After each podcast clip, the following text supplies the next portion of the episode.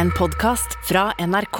De nyeste episodene hører du først i appen NRK Radio. I et nærmest fullstappa stadion i Moskva veiver et folkehav med store russiske flagg.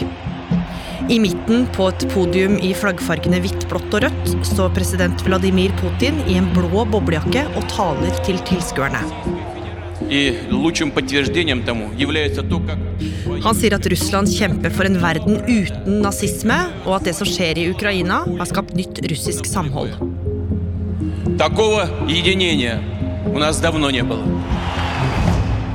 Hva er det russerne egentlig får vite om krigen? Og hvordan fungerer Putins enorme propagandaapparat? Du hører på Oppdatert. Jeg heter Gry Veiby. Denne krigen ser veldig annerledes ut fra russisk side. For mens vi ser sivile som blir bomba og ukrainske soldater som slåss, altså virkelig slåss for landet sitt, så får russere flest høre om en spesialoperasjon eller en fredsoperasjon i nabolandet. Og da krigen startet, så fikk de høre at russiske soldater ville bli tatt mot med åpne armer. De siste ukene har du, utenriksjournalist her i NRK, Heidi Taksdal Skjeseth, fulgt denne situasjonen mellom Russland og Ukraina tett, og virkeligheten som blir fortalt i Russlands 144 millioner innbyggere. For selv om Russland lenge har hatt begrensa pressefrihet og har et stort propagandaapparat, så har det blitt ekstra tydelig den siste måneden. Og det hele starta med en oppsiktsvekkende tale 24. februar, som skulle bli starten på krigen. Чем с этой шайкой наркоманов и неонацистов, которая засела в Киеве и взяла в заложники весь украинский народ. Vi så en dresskledd Putin fortelle at krigen var helt nødvendig for å redde folk i Donetsk og Luhansk, altså to regioner øst i Ukraina, fra folkemord. Eh, Og dette er to regioner eh, Russland har okkupert siden 2014. Og i tillegg til ordet folkemord, så brukte han et annet ord som fikk mange av oss til å lure litt. И для этого мы будем стремиться к демилитаризации и денацификации Украины. Ja, Han sa han ville denazifisere Ukraina. Altså, Putin kalte ledelsen i Ukraina for nazister. Eh, sa at disse måtte stoppes, og at vi måtte ha et, en regimeendring. Og at dette måtte skje for å redde det ukrainske folk. Og det var litt merkelig på mange måter. Eh, Det er ikke flere nazister i Ukraina enn det er i andre europeiske land. Og presidenten i Ukraina, han er selv jødisk. Men det er en grunn til at han valgte disse ordene, eh, for de skaper sterke følelser i Russland. For de har jo reddet folk fra nazistene før, og dette minner russerne om en stolt og stor krig som de var med på å vinne. This is how Russia battered open the door of Berlin in the last weeks of April. For under andre verdenskrig led Russland store tap i kampen mot Nazi-Tyskland. Men mange russere er fortsatt stolte over at de seira over Hitler. Его водрузили советские люди, воины-победители.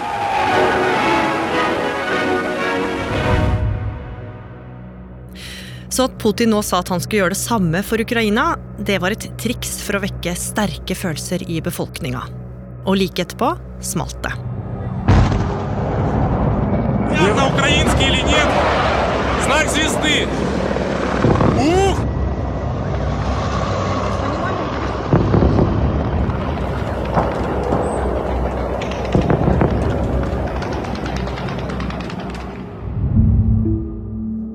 Etter å ha invadert Ukraina starta Putin på noe nytt. For hvis han skulle klare å overbevise befolkninga om at krigen var riktig avgjørelse, så måtte han også sørge for at han hadde russisk media med på laget. Ja, eh, Myndighetene har lagd et sett ganske strenge regler om hvordan medier i Russland kan dekke krigen. Eh, For det første så heter det jo ikke krig. Det er ikke lov å bruke ordet krig. Eh, Det skal hete en spesial militæroperasjon eller en fredsoperasjon. Og det er ikke lov å kritisere de militære. Og det har vært altså, nesten full sensur når det kommer til krigsdekningen. Og vi så et eksempel fra de første dagene i krigen. Så viste russisk statlig TV De viste bilder fra Kiev, fra Ukraina, men de viste da en fredelig gate der ingenting skjedde. Samtidig, akkurat da, så vet vi at det var harde gatekamper i Kharkiv, i Ukrainas nest største by. Mm. Så Putin skapte nesten en egen virkelighet. Men han gjorde også mer, for mens saken om krigen rulla og gikk eh, døgnet rundt her hjemme, så bestemte Putin at krigen ikke skulle få like stor plass i Russland. Mediene der dekka rett og slett ikke krigen like mye. Det førte kanskje til at mange russere fikk en følelse av at det som skjedde der, ikke var så oppsiktsvekkende. En meningsmåling fra et uavhengig institutt viser at 67% av de spurte eh, sier at de støtter det som her kalles eh, den spesielle militæroperasjonen. Samtidig hevder en talsmann for Russlands president at 75% av befolkninga der fortsatt støtter det myndighetene kaller en militær spesialoperasjon i nabolandet. Men det var ikke alle som trodde på den virkeligheten Putin skapte. For ganske snart tok flere tusen russere til gatene i protest.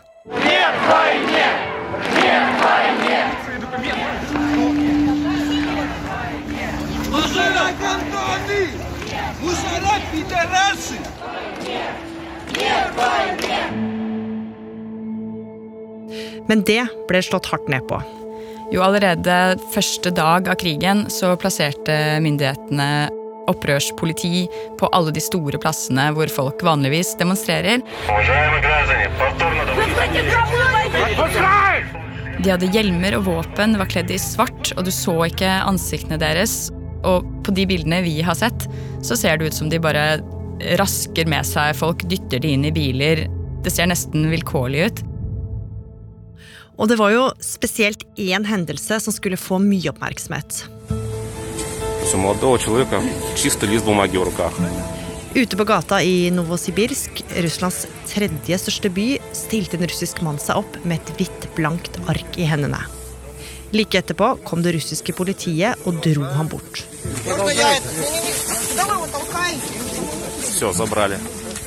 Hendelsen ble filma og gikk viralt, for mange mente at det var et eksempel på hvor farlig det kunne være og i det hele tatt bare se ut til å protestere i Russland. Også pressen merka at Putin stramma grepet enda mer. Ja, og uavhengige medier har jo vært under press lenge i Russland, men det ble raskt verre.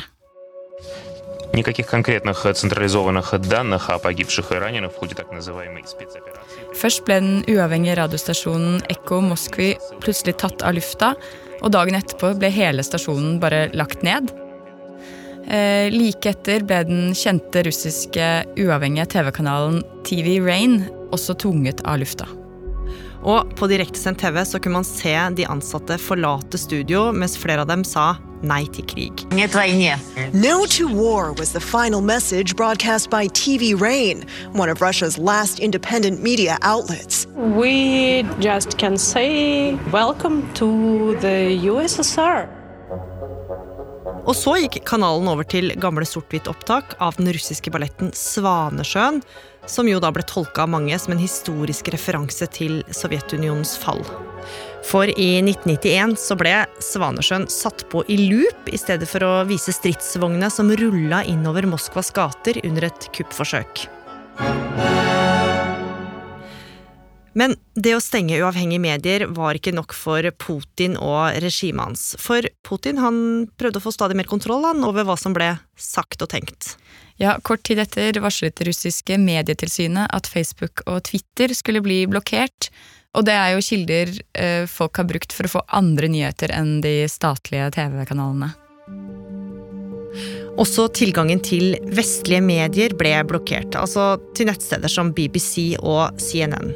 Og også flere VPN-tjenester, som gjør at du kan surfe på utenlandske nettsteder selv om de er blokka der du er, ble vanskeligere å bruke. Så nå ble det enda mer komplisert å finne informasjon som ikke kom direkte fra myndighetene. Men det skulle gå enda lenger. Ja, Samme dag så kom det også en ny lov, og den skulle virkelig ta kvelertak på de uavhengige mediene. The Kremlin is criminalizing journalism about Russia's invasion of Ukraine. This all started when Vladimir Putin signed a censorship bill into law on Friday, rendering it impossible for news outlets to accurately report the news in Russia. This weekend, all the major American networks stopped broadcasting live reports from Russia. Networks based in the UK and Italy and other countries have done the same thing. Den loven gjør det forbudt å spre såkalt usann informasjon om Russlands militære. Og hvis man bryter den, så kan man få opptil 15 års fengsel. Så med den nye loven, arrestasjon av demonstranter og myndighetenes kontroll over nyheter og informasjon, så kunne det for mange minne litt om jerngrepet fra tidligere Sovjetunionen. Og nå flykta rett og slett mange russere. Ikke bare det, også vestlige TV-kanaler forlot landet. Men både i og utenfor Russland klarte flere å finne nye og mer kreative metoder for å fortelle russerne hva som virkelig skjedde i Ukraina. Det har vært mange forsøk både på eh, Google Reviews, der du eh, anmelder restauranter. Der folk har gått inn og skrevet f.eks.: Ja, er, maten her var god, men den gir meg en dårlig ettersmak fordi krigen i Ukraina er så brutal og dere dreper sivile. Altså, det har vært mange som har prøvd å på en måte hacke seg inn på den måten. Eh, folk har logget seg på Tinder, satt lokasjon Moskva, begynt å chatte med folk og fortalt hva som egentlig skjer i Ukraina. Så det har vært mange kreative forsøk også på å spre informasjon til russerne.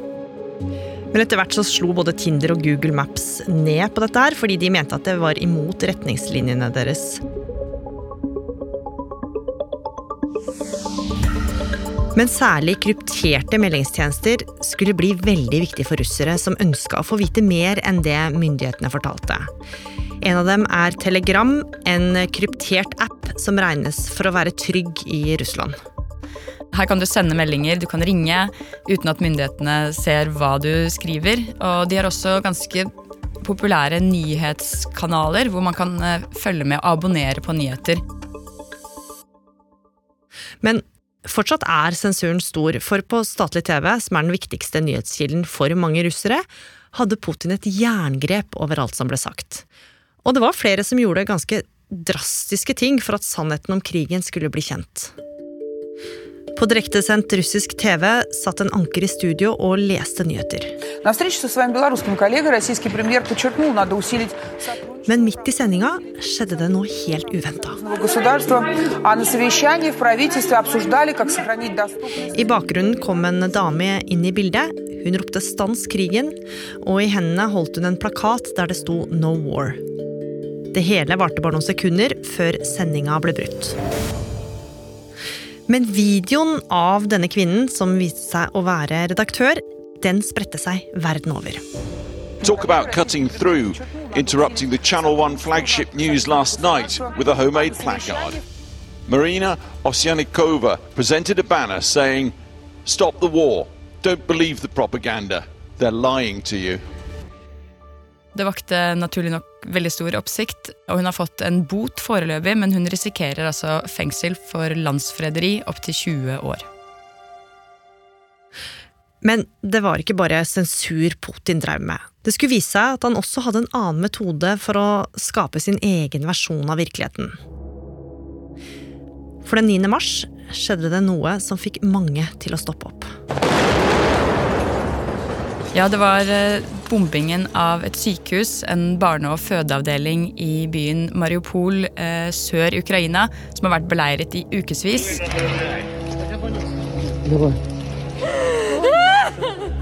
Og jeg var på jobb den morgenen, og vi så bildene av et utbomba sykehus. Vi så grusomme bilder av gravide med blod over seg som ble båret ut.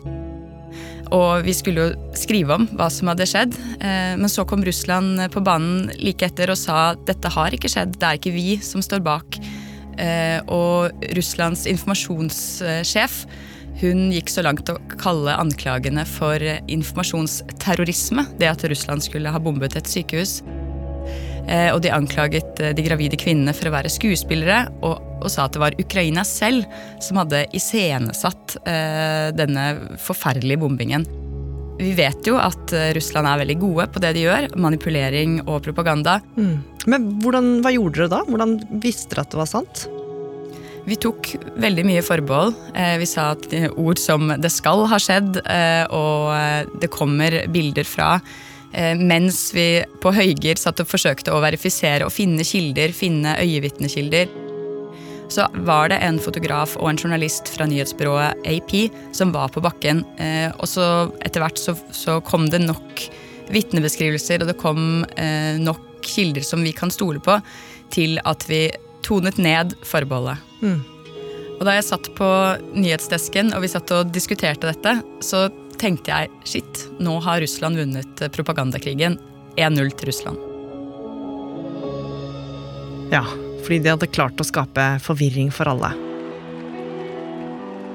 Så mens verden fikk se disse bildene, så var det en helt annen stemning hjemme i Russland. Og noen dager seinere inviterte Putin til en storstilt folkefeiring. For i det gigantiske propagandashowet så var Putin det store trekkplasteret. Der skulle det feires at det var åtte år siden Russland tok kontroll over Krimhalvøya i Ukraina.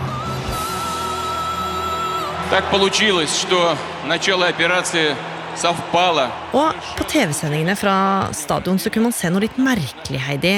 For mange av dem som var der, inkludert russiske idrettsstjerner, de hadde på seg et mystisk symbol. Ja, du så at eh, de hadde en stor sett eh, over brystet. Og disse settene de dukket først opp på russiske tanks og stridsvogner. Når de rullet inn i Ukraina, så var de malt med en stor sett. Eh, og vi vet ikke helt eh, hvem som kom opp med det og, og, hvorfor, men det har blitt et veldig tydelig eh, tegn på støtte til invasjonen i Ukraina. Og mange mener setten er en forkortelse for seier på russisk. Mm. Men det var også flere litt oppsiktsvekkende ting som skjedde under denne TV-sendinga. Ja, mens Putin sto under et banner hvor det sto at man skulle fri verden fra nazisme, og holdt den store talen sin, der han hyllet militæroperasjonen i Ukraina og snakket om det sterke russiske samholdet, og at russiske soldater var villige til å ta kuler for hverandre. Og så plutselig ble Putin klippa bort.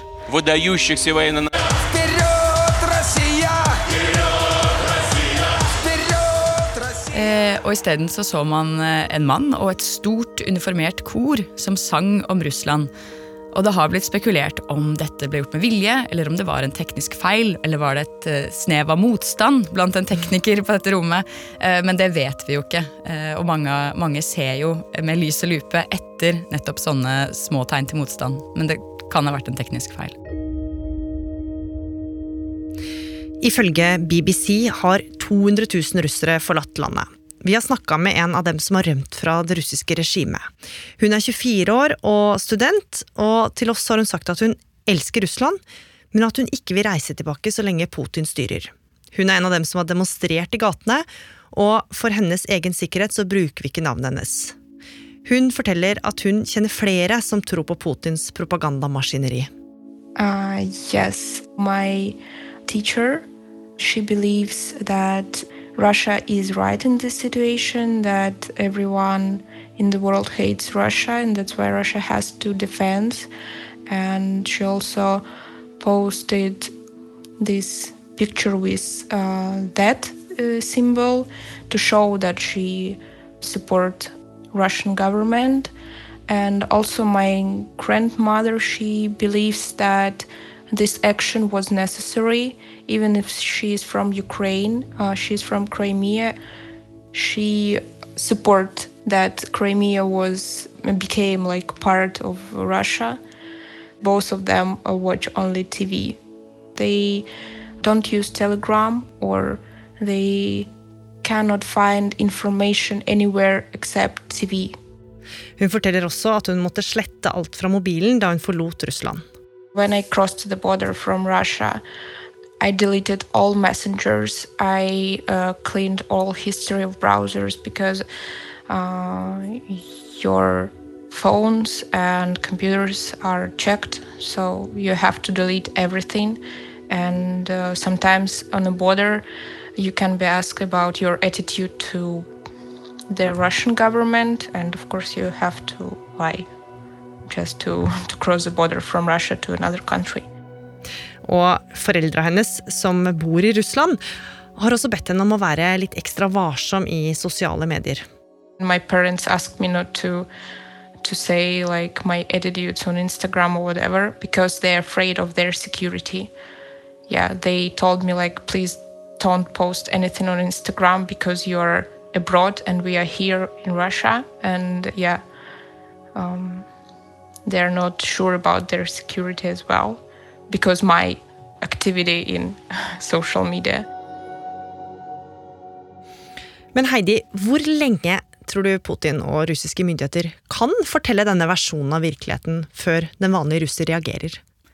Ja, de har jo holdt på med propaganda i, i, mange år nå, men denne type propaganda om at eh, krigen ikke pågår, eh, den har på en måte en utløpsdato for når russiske soldater kommer hjem i kister, så vil flere og flere folk eh, forstå at det er en krig. Og mange russere har jo også dratt eh, fra landet, og mange i Russland har venner og slektninger i Ukraina som kan fortelle dem eh, hva det er som egentlig skjer. Og hvis russerne slutter å tro på denne krigspropagandaen, så er spørsmålet også hva skal de gjøre med det? Det er ikke bare å protestere i gatene, mane til motstand, stille til valg eller støtte opposisjonelle, for Russland er ikke et fritt land.